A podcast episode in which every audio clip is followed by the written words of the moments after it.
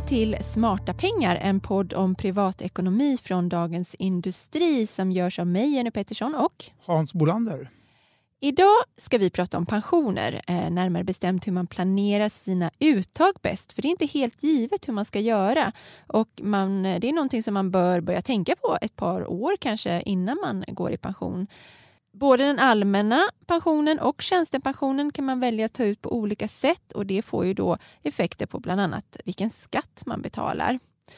Enkelt kan man väl säga att det handlar egentligen om att det du har tjänat in under hela ditt arbetsliv ska slås ut på ett visst antal år. Och ju färre år, desto mer blir det då i månaden. Det är ganska enkel matematik, men ändå så blir det här fel för många. Eller vad säger du Hans, varför är det så? Jo, det finns många här, tror jag, eh, val som blir lite felaktiga eller dåliga för att man inte tänker på konsekvenserna. Det, grejen är, tyvärr är det inte så enkelt. för att den allmänna pensionen, det är jätteenkelt. Den betalas ut från och med det du, du väljer och så betalas den ut livsvarigt. Det finns inget efterlevandeskydd i den. Det som är fördelen med den är också att du kan stoppa det. Om du slutar jobba, vi säger 63 eller 65 och så tar, börjar du ta ut den och sen kommer nej men det här var ju tråkigt, jag tar ett annat jobb, jag har möjlighet att jobba här. Då kan du pausa den, eller du kan ta ut halva. Så Man den, kanske jobbar deltid. Exakt, så den är, den är fullständigt flexibel vilket jag tycker är superbra. Eh, men tjänstepensionerna däremot, mång, första problemet är att många idag har ju bytt karriär eller bytt arbetsgivare i alla fall under livet. Och de har många olika pensionslösningar. De kan tas ut på olika sätt i olika avtalsområden.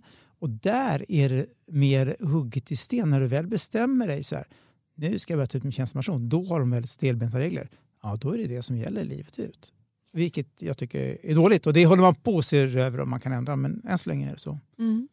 Defaultläget är väl fortfarande fem år va? när man får de här den första... Hos en när man del är 65. är inte det. Mm. Till exempel hos en stor som Alectas tror jag inte det är det. Då Nej, är det okay. nog livsvarigt. Mm. Men andra kan ha ett defaultläge på att ta ut på fem år. Oftast har du valet att ta ut det på fem, tio, tjugo år eller livsvarigt. Mm. Och då, då har man ju sett att förskräckande många upp mot 40 procent eh, tar ut det på fem år. Eh, och då, då är det folk som glömmer bort att man tagit ut på så kort tid och så ringer de pensionsbolaget efter det och säger Var är mina pengar? Min pension har slutat komma. Ja, men du valde bara fem år. Och det är så här typ ett icke genomtänkt val. Och sen finns det, du, du pratar ju om skatter här nu. Du, du, berätta om det där. Varför kan det vara ett feltänk skattemässigt också? Ja, om du tar ut eh, hela tjänstepensionen på kort tid så får du väldigt hög inkomst under några år. Eh, och eh, då kommer du kanske då över gränsen för att betala statlig skatt. Så peng, då skattar du bort mycket av de pengarna som om du hade valt ett annat typ av uttag så du hamnade under gränsen för statlig skatt eller i alla fall inte behövde betala lika mycket statlig skatt eh, som du själv hade fått så att säga. Eh, så det är pengar som bara rakt försvinner från dig. Oh. Jag kan ta något, något exempel faktiskt. Ja, om, om, en person då, säg man är född 79, man arbetar inom privat tjänstesektor och så har man då tjänar man 35 000 kronor i månaden. Och så tar man ut då när man går i pension sin tjänstepension under fem år. Då blir inkomsten under de fem åren 33 000 kronor, alltså nästan som lönen då. Men sedan efter fem år, då är tjänstepensionen slut. Då rasar inkomsten till 15 700 kronor per månad för resten av livet. Alltså mm. eh, mer än en halvering. Tar man istället ut det livsvarigt då har man liksom en jämn inkomst på 20 000 i månaden hela livet. Då. Eh, och det är ju en, en enorm skillnad. Alltså, så det måste man ju vara ytterst medveten om. då. Kanske ta, tar man ut det på fem år då får man ju lägga undan pengar kanske. Eh, om man har möjlighet att göra det. Det läskiga är ju då om man, om man råkar ta ut det på fem år och inte vara medveten om det. Ja. En annan sak det här med eh, med att ta ut tjänstepensionen på kort tid om man är höginkomsttagare. Det är ju faktiskt att, ja, dels den här skatteeffekten då, men höginkomsttagare tenderar ju att ha bättre hälsa och leva längre än låginkomsttagare. Det är ju en ojämlikhet i samhället som, eh, som man kan diskutera mycket hur man kan komma till rätta med det. Men nu ser det ut så och då är ju faktiskt livsvarig pension ett klipp. Alltså om du lever längre ja. än vad snittet, alltså vad, vad medelåldern är beräknad till. För att pensionsbolagen och den allmänna pensionen, är liksom, nivån är ju beräknad utifrån någon slags genomsnittlig livslängd för män respektive ja. kvinnor. Då. Eh, och lever man längre än det, då är man ju vinnare i någon mån. Då. Um, så det är också ett skäl till att ta ut ja. det livsvarigt. Alltså jag kan tänka mig till varför, varför då har 40 procent har valt det här på fem år. Jag tror att det finns kanske två som jag kan se skäl. Det ena är att man tänker att ja, i början är jag pigg pensionär och behöver mer pengar. Då har jag, råd och, eller då har jag möjlighet att resa och göra sådana saker. Sen kanske jag inte är lika mobil och, och sådana saker. Det tror jag är det ena. Det andra är så också som man tänker det här med dödlighet. Ja, men, tänk, vad händer om jag dör om fem, eller sju eller åtta år? Då har jag inte fått ut mina pengar. Ehm, eh, det är det andra. Och då, då som sagt har du redan sagt att de, de flesta lever faktiskt i snitt till 83-85 år idag. Det är, det är nummer ett. Och nummer två är ju det att då finns det inte, kommer man in på ytterligare en komplikation. Om man lever i ett parförhållande så finns det ju något som heter efterlevandeskydd. Det finns att välja i de allra flesta tjänstepensionslösningar. Det kan löpa på ibland till 75-80 år så du kan behålla det långt upp i åldrarna och då kan du tänka så här, ja, men om jag nu skulle ha otur och dö tidigt, eh, är det bra om min partner får de här pengarna eller inte? Är det inte viktigt för att man har jättebra ekonomi? Ja, då kan man ju ta ut pengar på kort tid. Så här. Men är det viktigt, då är det ju bättre att ta ut den på längre tid och så ha ett efterlevande skydd. Mm. Så att man bör, det är också en parameter att ta in mm. i pensionspusslet. Och då gäller ju efterlevandeskyddet som sagt en partner då, gift eller registrerad eh, sambo. Är det, va? Ja. Eh, men man kan också tänka sig att de här pengarna skulle jag hellre lämna till mina barn än att låta dem eh, bara brinna in. Eller man ska säga. Och då är ju alternativet, kan ju ett alternativ vara att man inte har ett efterlevande skydd men säg att man tar ut dem på tio år och, och är väldigt då disciplinerad och lägger undan hälften för att tänka att man ska ha dem kanske nästföljande tio åren eller så blir det arv om man dör. Då. Ja, ja precis. Och, och sen, jag tror också, också finns också ett tänk i det här, om man ska vara lite grann så där, vad kostar när man blir äldre? Ja, det är inte så att eh, utmaningarna för samhället blir ju allt större nu för varje år för det blir allt fler som blir äldre.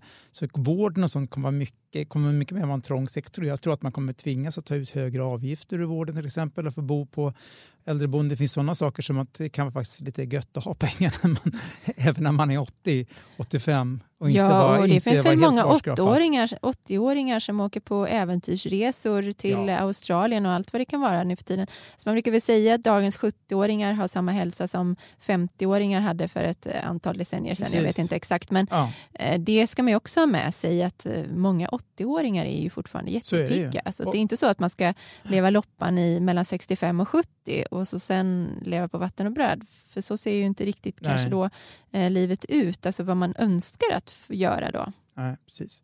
Det finns faktiskt det här som jag sa tidigare, så att man, eh, man väl bestämt sig vad man ska ta ut tjänstepensionen så, eh, så är det lagt kort ligger så att säga. Men det finns ett litet knep att slippa det här. För om, man mm. har, om du har sparat i...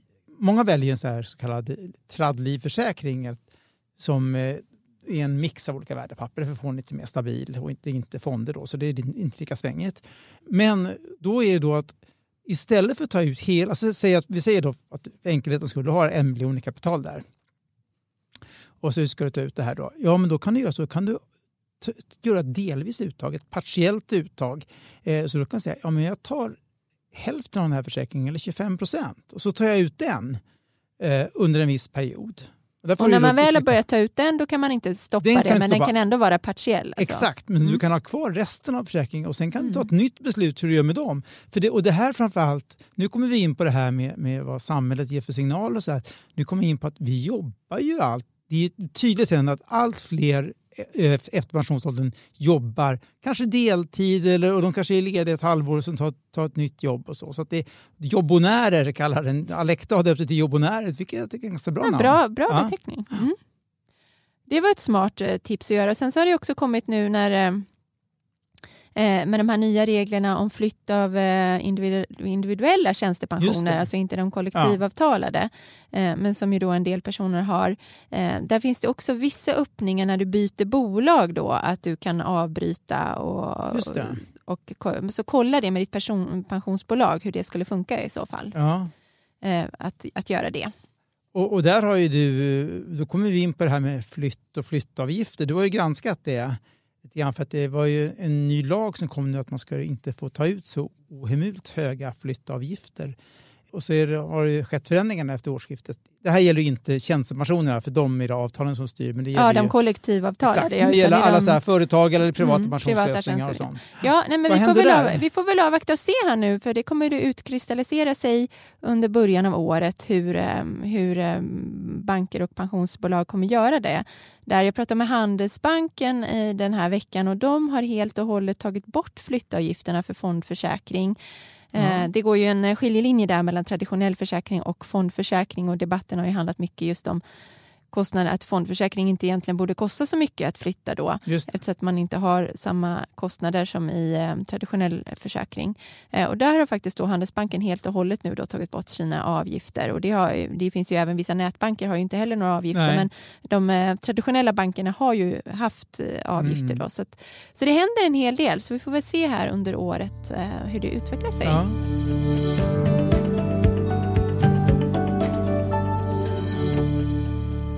Hans, du var ju konferencier på en försäkringskonferens i, eh, i veckan som gick. Du, kom det fram något intressant om pensioner där? Ja, det var, ju, det var ju några punkter som var verkligen som de olika talarna förde upp. En sån punkt är ju det här vi har pratat om tidigare du och jag, om de låga räntorna, att man får ställa in sig på lägre avkastning generellt framöver. Och det gäller väldigt mycket pensionsbolagen för de har en stor del av sitt kapital, måste ju ha det placerat tryggt. De kan inte ha allt i aktier eh, för det svänger för mycket. Eh, och, eh, då, och då är låga, dagens låga ränteläge så, så får man ställa in sig på lägre avkastning. De har, pensionsbolagen har avkastat kanske 7-8 procent de senaste 15 åren i snitt per år. Då, då, Men nu så är det många där som säger själva att nu måste vi ställa in oss på, eller vi vill att kunderna ställer in sig på att det kanske ja, de, 4-5 procent, kanske så pass lågt förhållandevis. Vilket då i sig, om inflationen är nästan obefintlig så är det inte jättelågt. Men det, det var en sak. En annan intressant sak var ju eh, det här med den eh, bristfälliga jämställdheten i löner och pensioner som KPAs vd Britta Burå tog upp. Hon hade gjort lite forskningar här och kom fram till att här, lönegapet mellan kvinnor och män har ju krympt de senaste 30-40 åren. Mm. Eh, men det är fortfarande uppgår till kanske 10 procent medan pensionsgapet är 26 procent. Så det är ju en väldig skillnad. Mm. Kan du gissa vad, vad det beror på? Stora ja, ja, alltså dagens pensionärer har ju levt ett annat yrkesliv än vad, än vad kvinnor och män gör som jobbar idag. Alltså, I den kategorin finns det ju många kanske hemmafruar och, och kvinnor ja, som inte mm. har uh, yrkesarbetat lika mycket. Uh, så det där kommer väl säkert um, förskjutas en hel del om vi tittar 20-30 år fram i tiden. Men sen är det ju fortfarande så att kvinnor jobbar mer deltid uh, och um, ta större ansvar för eh, barn och sådär. Så att en, en klyfta kommer ju bestå mm, ja, väldigt, väldigt länge om, om man inte gör någonting radikalt eller lägger om systemen helt och hållet. Ja. Och exakt, det var exakt så hon förklarade det. Kvinnor jobbar deltid i mycket högre utsträckning. Hon förde fram ändå två saker som man skulle kunna göra. Det ena är att det finns ju eh, många arbetsgivare som inte erbjuder heltid till alla helt enkelt. Man måste, det, nej, tyvärr, det kan bara erbjuda det inom handeln till exempel inte det, och inom vården. Eh, det var det ena och eh, det, an, det, andra är att eh, man måste få upp lönerna i kvinnodominerande sektorer. För det finns ganska mycket fakta som talar för att när för sektorer där många kvinnor börjar jobba där, där är det inte lika högt lönetryck, där sjunker lönerna. Det finns någonting egentligen är det svårt hur den mekanismerna fungerar men, men hon var inne på att det är nästan något omedvetet som sitter i löneförhandlares och HR-människors tänkande som gör att det blir det finns, det finns exempel på det. det finns ju, där, där många kvinnor kommer in och tidigare har varit mans... Veterinärer var ett sånt, sånt exempel. Tidigare mm. var det högavlönad grupp. Nu är det nästan bara väldigt mycket kvinnor i alla fall som dominerar och då har löneläget, löneläget har sjunkit. Ja. Så mm. det är lite skrämmande. Men det, så där behöver man ju alla mm. vara vaksamma på det här. Absolut. Där har man ju nästan lust att säga till kvinnor att välja bort eh, vissa yrken men samtidigt så sitter ju strukturer djupare än så. Alltså det, ja. så. Men eh, det är ju någonting man ska vara medveten om när man väljer sitt yrke i alla fall.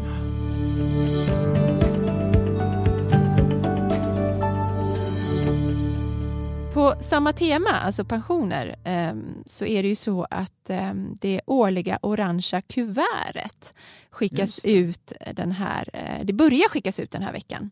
Eh, det sker under några veckors tid här med olika delar av landet. Eh, brukar du öppna ditt? Ja, Eftersom, eh, eftersom både du och jag jobbar med de här frågorna så vore det tjänstefel att inte öppna det. Men jag kan ju förstå att man inte... För att förr tycker jag det var lite... Det fanns ändå prognoser och sånt. Man kunde fråga ja, men hur har de räknat fram det här och eh, verkar det här rimligt? Idag så innehåller det så lite uppgifter så jag tycker det blir mer och mer ointressant faktiskt. Mm. Tidigare undersökningar tror jag har visat att det är ungefär var femte som slänger det direkt i papperskorgen. Ja. Sen är det väl många som tittar på det och inte riktigt kanske tar in informationen. Men Nej. det är ju som du säger att sedan några år tillbaka så innehåller det ingen pensionsprognos och det var väl för att myndigheten insåg att det skälpte lite mer än vad det hjälpte. Så att jag kan ju tycka att det är en bra, bra att det inte gör det. För den där prognosen var ju behäftad med väldigt stor osäkerhet, ja, särskilt om man var tidigt i sitt ja. yrkesliv. Eller inte var, det är ju säkrare såklart ju närmare pensionen man kommer. Men sen så um, omfattar den ju inte tjänstepensionen heller utan det handlar ju bara om inkomstpensionen, alltså uh, inkomstpension och premiepension, alltså ja. den allmänna pensionen. Uh, och när folk inte riktigt förstod det då så fick man ju panik när man såg hur lite pengar ja. man skulle få i pension och så såg man att det inte är hela bilden. Så nu blir man ju uppmanad istället då att logga in på minpension.se vilket man också kan nå via Pensionsmyndighetens sajt och där man då liksom får en, en helhetsbild av hur det ser ut för ens framtida pension information. Ja. Jag loggade in idag och hade inte fått det digitalt, för jag har begärt att få det digitalt. Har du hunnit kolla om du har fått det? Nej, jag har inte heller fått det digitalt, men hur var det? Man kan se uppgifterna ja, ändå? Alltså, när jag, jag tittar runt lite grann på sajten Pensionsmyndigheten och om du tittade på, jag tittar på mina egna uppgifter ja, när det gällde inbetald pension och allting och där fanns alla uppgifter. Det var bara att det inte var sammanställt i ett orange kuvert. Nej. Så att, det, och det var även eh, avkastningen för premiepension för fonderna, hur, mm. summering av helåret 2019 och vad hade du ett snitt och så där. Så att alla uppgifter finns där fast det inte är sammanställt. Nej, jag vet, det var ju för några år sedan när Pensionsmyndigheten försökte avskaffa orangea kuvertet för de tyckte själva att det var lite onödigt och slöseri ja, kanske med, med papper och sånt där. Men eftersom det är ändå myndighetsinformation så måste det meddelas enligt vissa regler så de, de får faktiskt inte lov att sluta skicka Nej. ut det här kuvertet. Men det här årsbeskedet då som det innehåller då hur mycket man hittills har tjänat in till sin pension totalt sett och hur mycket man har tjänat in i år är ju faktiskt ganska ointressant för det är så abstrakt, det går inte att översätta ja. till någonting. Men den information som ju faktiskt man bör ta till sig, det handlar just om premiepensionen. Ja. Det, det avsätts ju 2,5 procent av ens eh, inkomst varje år till premiepensionen och eh, då kan man ju välja fonder. Och där, då kan man se i det orangea kuvertet eller om man loggar in då på sig själv på Pensionsmyndigheten eh, så kan man se hur ens fonder har utvecklats under året, precis som du gjorde. Då är det så här, snittet för hela systemet 2019 var 29,5 procent. Det är ju det är ju enormt mycket. Det är inte så många år vi ser sådana avkastningar. Det vara ett rekordår. Men bakom den siffran så ryms ju allt då från korträntefonder som hade noll i avkastning till de allra bästa aktiefonderna då som gick liksom lite 60-60 plus ja, eh, ja. i procent. Då. Och där har vi ju precis samma fonder som vi har utanför premiepensionssystemet. Fastighetsfonder, Rysslandsfonder, eh, även småbolag gick ju väldigt bra förra året. Ja. och så där. Så det är, de, det är de man hittar där i toppen.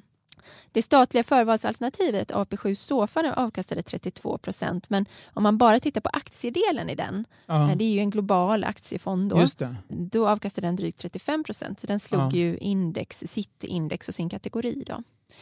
Eh, men jag tycker att man ska ta till sig den här informationen och använda den för att eh, ta, liksom ta tillfället i akt och se hur gick mina fonder. Ja, och då kan man ju inte jämföra med snittet för hela systemet utan då får man ju se ja, okej, jag har den här typen av fond och gick i andra fonder. Men också kanske då bli en, en påminnelse om vilka fonder man faktiskt en gång i tiden har valt om man nu har gjort ja. ett val. Då. De, majoriteten ligger ju faktiskt i det, första, eller det förvalsalternativet i SOFA. Men om man en gång i tiden har valt fonder så blir det en bra, bra påminnelse. Ligger jag i rätt typ av fonder? Eh, ja. hur, ska jag ha så här mycket aktier? Ska jag ha så här mycket ränta? Närmar jag mig pensionen? Att det kanske då är läge att, att göra några förändringar Precis, för valet tror jag är styrt mycket av, av ett, förutom att man kanske litar på vissa varumärken så, så är det också ett risktänk, att man har mycket risk. Och det finns ju en bra hjälp där, för de är ju, det finns ju numrerat hur, mycket, hur hög risk fonderna har. Så mm. det, det, kan man ju enkelt se efter om man inte och om man tycker att det här är väldigt komplicerad materia så kan man ju se vilken risknivå som de har bedömt fonden till. Och jag tycker det är ganska bra att använda, även om man inte vill ha sina pengar i soffan, så är det rätt bra att använda samma tänk. För där har du ju aktier 100 upp till ungefär 56 års ålder och sen så trappas det ner med några procentenheter per år. Så det är en slags generationsfond. Ja. Eh, och samma tänk kan man ju ha även om man har valt sina fonder helt självständigt. Att det kanske är ungefär vid den åldern det är läge att börja trappa ja. ner men inte trappa ner för mycket. För att du, du ska ändå, mycket av pengarna ska ju stå kvar kanske i 20, 25, ja. 30 år till. Det, det brukar många eh, rådgivare prata om idag, eller många pensionsekonomer i alla fall. Sett att, att många kanske klipper tvärt vid 65. Ja, men nu lägger allt i räntefonder och det är mm. ingen lyckad strategi. Eh, för just som du säger, som de flesta ändå lever i, i 20 år ytterligare i snitt och sen så och ännu mer med tanke på att dagens räntefonder är så extremt eh, lågavkastande så det blir nästan ingenting. Alltså, har du otur så ger du nästan negativ avkastning och medan inflationen tickar på med 1-2 procent om året. Så att, eh, det, det, är en väldigt dålig strategi. Så ha en mix där tror jag är mm. absolut viktigt. Man, egentligen ska man väl tänka på samma sätt som i sitt privata sparande. Ja. Att har du en sparhorisont som är mer än tio år så ja. finns det ingen anledning att flytta över Nej. det till eh, så låg risk. Och, och även om man börjar ta ut sin pension, och gäller även premiepensionen, så, så tas ju den ut under väldigt lång tid. Så att säga. Alltså det är inte så att du får ut allting på väldigt kort tid. Så skulle, då skulle man kunna sänka risken och säga mm. men jag vill inte. Men den smetas ut över lång tid. Så att, eh. mm. Ja, så att även om ni skulle tycka att det där orangea kuvertet är, eh, känns helt ointressant att ta del av så tycker vi ändå att man ska öppna det och kolla på den här saken åtminstone. Det, det kom ju en undersökning nu i, i veckan. Eh, Skandia hade bett Novus fråga, de har gjort det några år, hur förtroendet för premiepensionssystemet är. Och det hade tickat upp lite i år, men det är ju fortfarande ett lågt förtroende för systemet som sådant. Och det är ju så att, jag tror att det var 25 procent säger att det är ganska högt förtroende eh, idag medan 28 procent säger att det har lågt förtroende och resten eh, är neutrala kan man säga. Så det är fortfarande bara 25 procent som har förtroende för PPM. Och det tror jag är, och det är ändå lite bättre än förra året. Jag tror att det är ju då tyvärr i bakvattnet av de här pensionsskandalerna vi har sett i, i och Falcon Funds och andra som mer eller mindre har svindlat bort eh, på väldigt märkliga affärer. Nu vart de ju inte fällda här i tingsrätten, men det, är, det man kan ju fortfarande kritisera dem för att det är märkliga affärer. Det är extremt höga avgifter och konstiga konstruktioner som inga andra fonder har varit, inga andra fondbolag har varit i närheten av. Nej, nu ska det bli väldigt spännande att se vad som händer i hovrätten i allra eh, ja. fallet. Då. De blev som sagt inte dömda, men eh, så är det ju ganska ofta i ekobrottsmål, eh, vilket man ändå kan man kan ändå, även om någonting inte går att slå fast i brottsligt så kan det ju finnas andra aspekter, moraliska eh, aspekter och, och så på, på hur man agerar. Ja. Men det ska som sagt bli jättespännande att se fortsättningen av det. Och man kan ju säga att, att det finns ju ingen anledning att inte ha ett förtroende för premiepensionssystemet idag eftersom de har blivit väldigt mycket bättre på att sätta upp tydliga regler och eh, vara tuffa i sina eh, antagnings krav på fondbolag som ska vara med på, på pensionstorget. Så att det är jättemycket hårdare än idag. Idag skulle den här typen av fondbolag inte komma in och inte få sälja så, som de gjorde, de här olika oseriös eh, telefonförsäljning och liknande. Utan det, det är mycket tuffare regler. Därmed inte sagt att vi, det kan säkert komma någon uppfinningsrik finansmänniska och hitta på sätt att lura spararna. Men jag tror att risken för att man ska råka ut för det är oerhört mycket mindre. Och är man dessutom, jag tycker att Känner man sig orolig för det så ska man ju välja kanske ett av de större etablerade varumärkena som har hållit på länge i branschen. Ja, jag håller med dig Hans. Välj något av de etablerade eh, varumärkena eller håll dig till det statliga förvalet om du inte är speciellt Absolut. intresserad av det här. Ja. Jag som är jätteintresserad av det här har ändå det statliga för, förvalet för att jag tycker det är ett väldigt bra alternativ. Jag vet att du inte har det. Nej, så vi, eh, vi har lite två olika linjer här. Eh, och, och, båda funkar bra, men eh, din linje bygger ju mer på engagemang. Då. Det gör den absolut. Mm, absolut. Det var allt från podden idag. Eh, Smarta pengar redigeras av Imami Produktion och ansvarig utgivare är Peter Fällman. Lyssna gärna på DIs övriga poddar som ni hittar på vår sajt eller via Acast. Vi har en hel drös, eller hur Hans? Ja, en hel drös och, och bäst av allt så är de gratis också. Det finns till exempel DI Digital. Och den Analyspodden. Analyspodden för lite nörda ner sig på aktier och marknader. Makrorådet. Makrorådet, mycket räntor och konjunktur. Eh, vi har eh, dagliga Ekonomikollen. Ekonomistudion Morgonkollen. Och, exakt. Sen har vi också faktiskt, vi börjar få lite mera webb-tv. Jag läste nu att vi får, det är Weekend kommer som, mer som ett tv-magasin. Det kommer ett nytt avsnitt på 20 minuter var 14 dag till exempel. Ja, det kan vi också rekommendera. Ja. Det har jättemycket bra webb-tv som man hittar via ja, vår sajt. Och alla dagliga nyhetsprogram också. Där. På olika teman, så kolla upp det. Och så hörs vi igen. Hej då! Hej då!